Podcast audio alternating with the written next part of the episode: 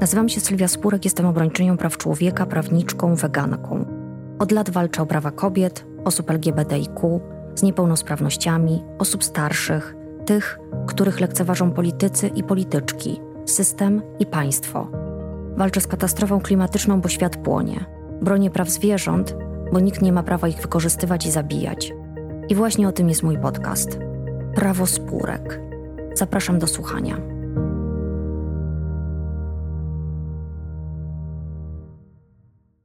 Jako prawniczka i obrończyni praw kobiet od lat tłumaczę, dlaczego konwencja stambulska jest ważna i czemu jej przeciwnicy nie mają racji, a często nawet cynicznie manipulują, by podburzać przeciwko niej. Z wieloma argumentami trudno jest dyskutować, są zwyczajnie nieracjonalne lub nieprawdziwe. Dopóki jednak wiem, że wciąż wiele osób wierzy w chochoły w rodzaju ideologii gender, warto rozmawiać o tym, czym konwencja jest naprawdę i czego obawiają się jej przeciwnicy. Dlatego postanowiłam po raz pierwszy w Polsce wydać w formie książki pełną treść konwencji wraz, co kluczowe, z nieprzetłumaczonym do tej pory na język polski memorandum wyjaśniającym. W związku z ratyfikacją konwencji przez Unię Europejską wznowiłam wydanie mojej książki, aktualizując ją o najnowsze informacje dotyczące przemocy domowej i jej zwalczania w Polsce i w Unii Europejskiej, działań legislacyjnych na poziomie unijnym, a także informacji dotyczących samego procesu ratyfikacji. O tym, kto i dlaczego boi się konwencji, jest ten odcinek podcastu.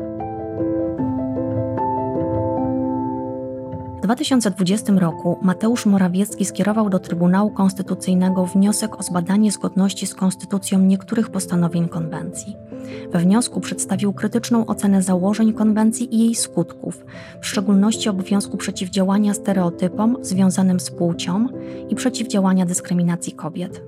Obawę premiera wywołało stosowane w dokumencie pojęcie płci społeczno-kulturowej, czyli ten już symboliczny gender. Postanowiłam napisać list do premiera Morawieckiego, odpowiadając na jego zarzuty, które także dołączyłam do treści książki.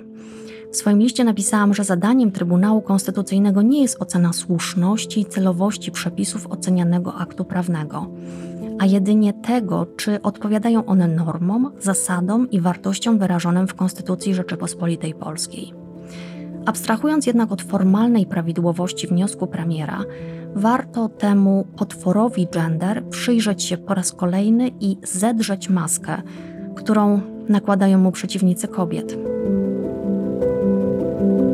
Gender to termin, który po angielsku oznacza płeć społeczno-kulturową, rozumianą jako zbiór atrybutów, wzorów zachowań, wyobrażeń i oczekiwań społecznych, a także norm związanych z płcią biologiczną, których konsekwencją są funkcje pełnione przez kobiety i mężczyzn w społeczeństwie, domu, pracy. Te normy i stereotypy, często przestarzałe i krzywdzące, nie tylko sprawiają, że nierówno rozkładają się prawa i obowiązki, ale także powodują, że kobiety uważa się za gorsze i podrzędne. Wbrew różnym kłamliwym opiniom, termin gender nie zastępuje terminu płeć biologiczna, ale wskazuje na istnienie innego, pozabiologicznego wymiaru naszej płci Gender to nie ideologia, to nie nakaz noszenia sukienek przez chłopców, to nie nakłanianie do zmiany płci dziecka, bo też takie bzdury słyszałam i czytałam. Gender to pojęcie naukowe, a jego domeną są role przypisywane ze względu na płeć. Przykładem może być stereotypowe obarczanie tylko kobiet sprawami związanymi z wychowaniem dzieci. Przestarzały koncept, który często uderza w kobiety, ale także i w dzieci i mężczyzn. Co ma do tego konwencja? Konwencja stambulska uznaje, że pewne role i stereotypy mogą prowadzić do akceptacji przemocy wobec kobiet. Istnieją stereotypy, zgodnie z którymi mężczyzna ma władzę w domu i ma prawo wprowadzać w domu dyscyplinę dowolnymi środkami. Stereotypy, według których seks jest małżeńskim obowiązkiem i nie wymaga zgody obu stron, a o finansach kobiety powinien decydować jej mąż. Tak wyglądają normy, których akceptacja jest często jednoznaczna ze zgodą na przemoc, w sytuacji, gdy druga, podporządkowana strona swoich powinności nie realizuje. Konwencja to pierwszy międzynarodowy dokument rangi umowy międzynarodowej, który mówi o tym wprost. Pokazuje narzucone role, stereotypy i nierówności jako możliwe źródła przemocy wobec kobiet. Ze strony krytyków konwencji pojawiają się także stwierdzenia, że dzięki konwencji będzie można zmieniać płeć z żeńskiej na męską i z powrotem, oraz że to furtka dla małżeństw osób tej samej płci. Tymczasem konwencja nic o tym nie mówi. To niemerytoryczne argumenty, do których zwyczajnie trudno się odnieść. Niezależnie od prawno-człowieczego wymiaru kwestii uzgodnienia płci oraz równości małżeńskiej, te sprawy w ogóle nie są tam poruszane.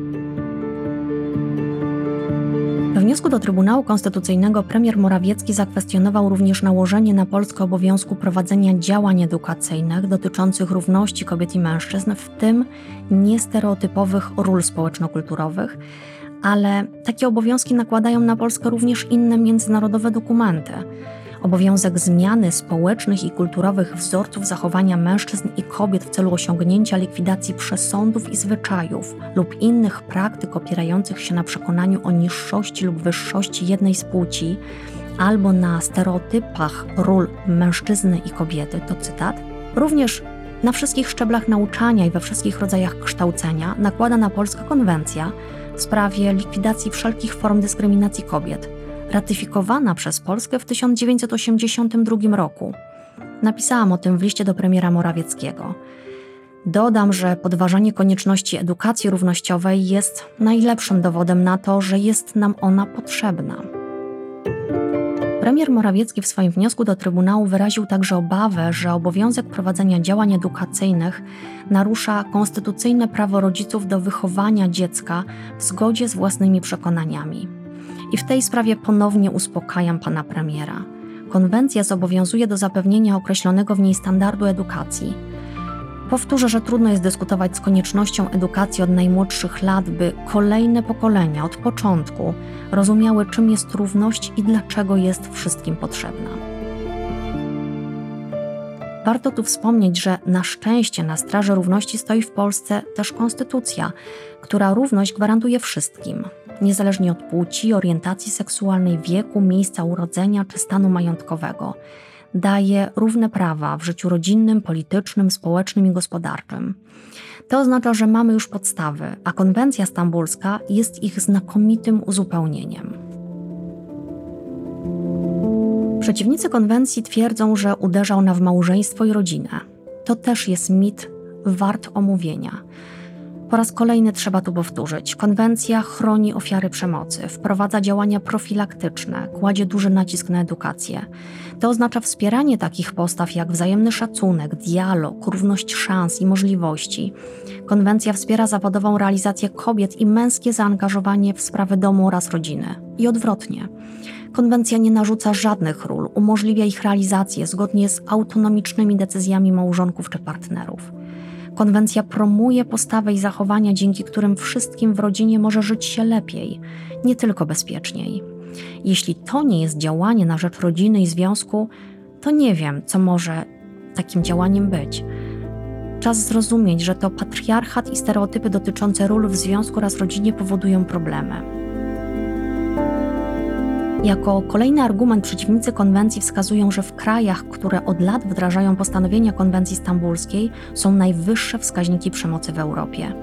Prawda jest taka, że niewielkie liczby w statystykach policji to nie dowód na to, że przemocy nie ma, tylko na to, że ofiary boją się ją zgłaszać. Może to być spowodowane lękiem przed sprawcą, może obawą, że policja nie będzie pomocna, może wstydem lub przekonaniem, że to problem rodzinny, którego nie należy nagłaśniać. Ofiary powinny się zgłaszać, skarżyć, oczekiwać pomocy i ją otrzymywać. Musimy wszyscy wiedzieć, co jest złem, na co nie ma zgody i co z tym zrobić, jeśli mimo wszystko się zdarzy. Niech rośnie nasza świadomość, nawet jeżeli będzie to w pierwszym momencie oznaczało wzrost wskaźników przemocy.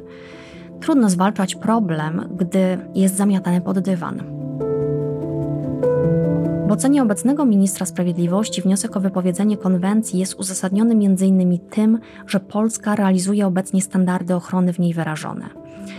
W mojej ocenie jesteśmy daleko od pełnego wdrożenia wyznaczonych przez nią standardów i nawet ostatnia, przełomowa nowelizacja ustawy antyprzemocowej i zapewnienie ofiarom przemocy bezpieczeństwa dzięki izolowaniu od nich sprawcy nie zmieniają tego znacząco. To jednak dobry moment, by przejść do omówienia, czego w Polsce potrzeba, żeby ludzie mogli czuć się w niej bezpiecznie. By kobiety w Polsce mogły czuć się bezpiecznie, potrzebne jest zarówno zapobieganie przemocy, czyli edukacja, jak i gwarancje wsparcia dla ofiar, dostosowanego do ich potrzeb. Tak jak przemoc jest szerokim pojęciem, tak różne są sytuacje kobiet i innych osób, które jej doświadczają. Niektórym do wyjścia z sytuacji przemocowej lub poradzenia sobie po zdarzeniu przemocowym potrzebne jest wsparcie materialne, czasem mieszkaniowe, czasem finansowe. Dla innych niezbędna jest pomoc psychologiczna, prawna lub medyczna. Konieczna jest też korekcyjna praca ze sprawcą, aby zapobiec następnym zdarzeniom lub krzywdzie kolejnych osób. System pomocy winien zdecydowanie wykraczać poza to, co obserwujemy teraz.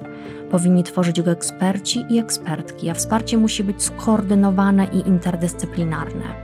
Gdy pomocy udzieli opieka społeczna, wiedzieć powinien o tym policjant, który następnie przyjeżdża na interwencję. W trudnych sytuacjach dla osiągnięcia dobrych efektów musi ze sobą współpracować wiele osób i instytucji. Nauczyciel dziecka w szkole, lekarka w przychodni, która leczy po pobiciu lub pomaga wyjść z depresji. To są m.in. propozycje zawarte w konwencji stambulskiej. Gdy w pełni wdrożymy ten dokument, każdy sprawca przemocy w rodzinie dostanie propozycję nie do odrzucenia. Będzie musiał wziąć udział w programie korekcyjno-edukacyjnym. Nikt nie rodzi się przemocowcem, a jeśli można się przemocy nauczyć, można też się jej oduczyć.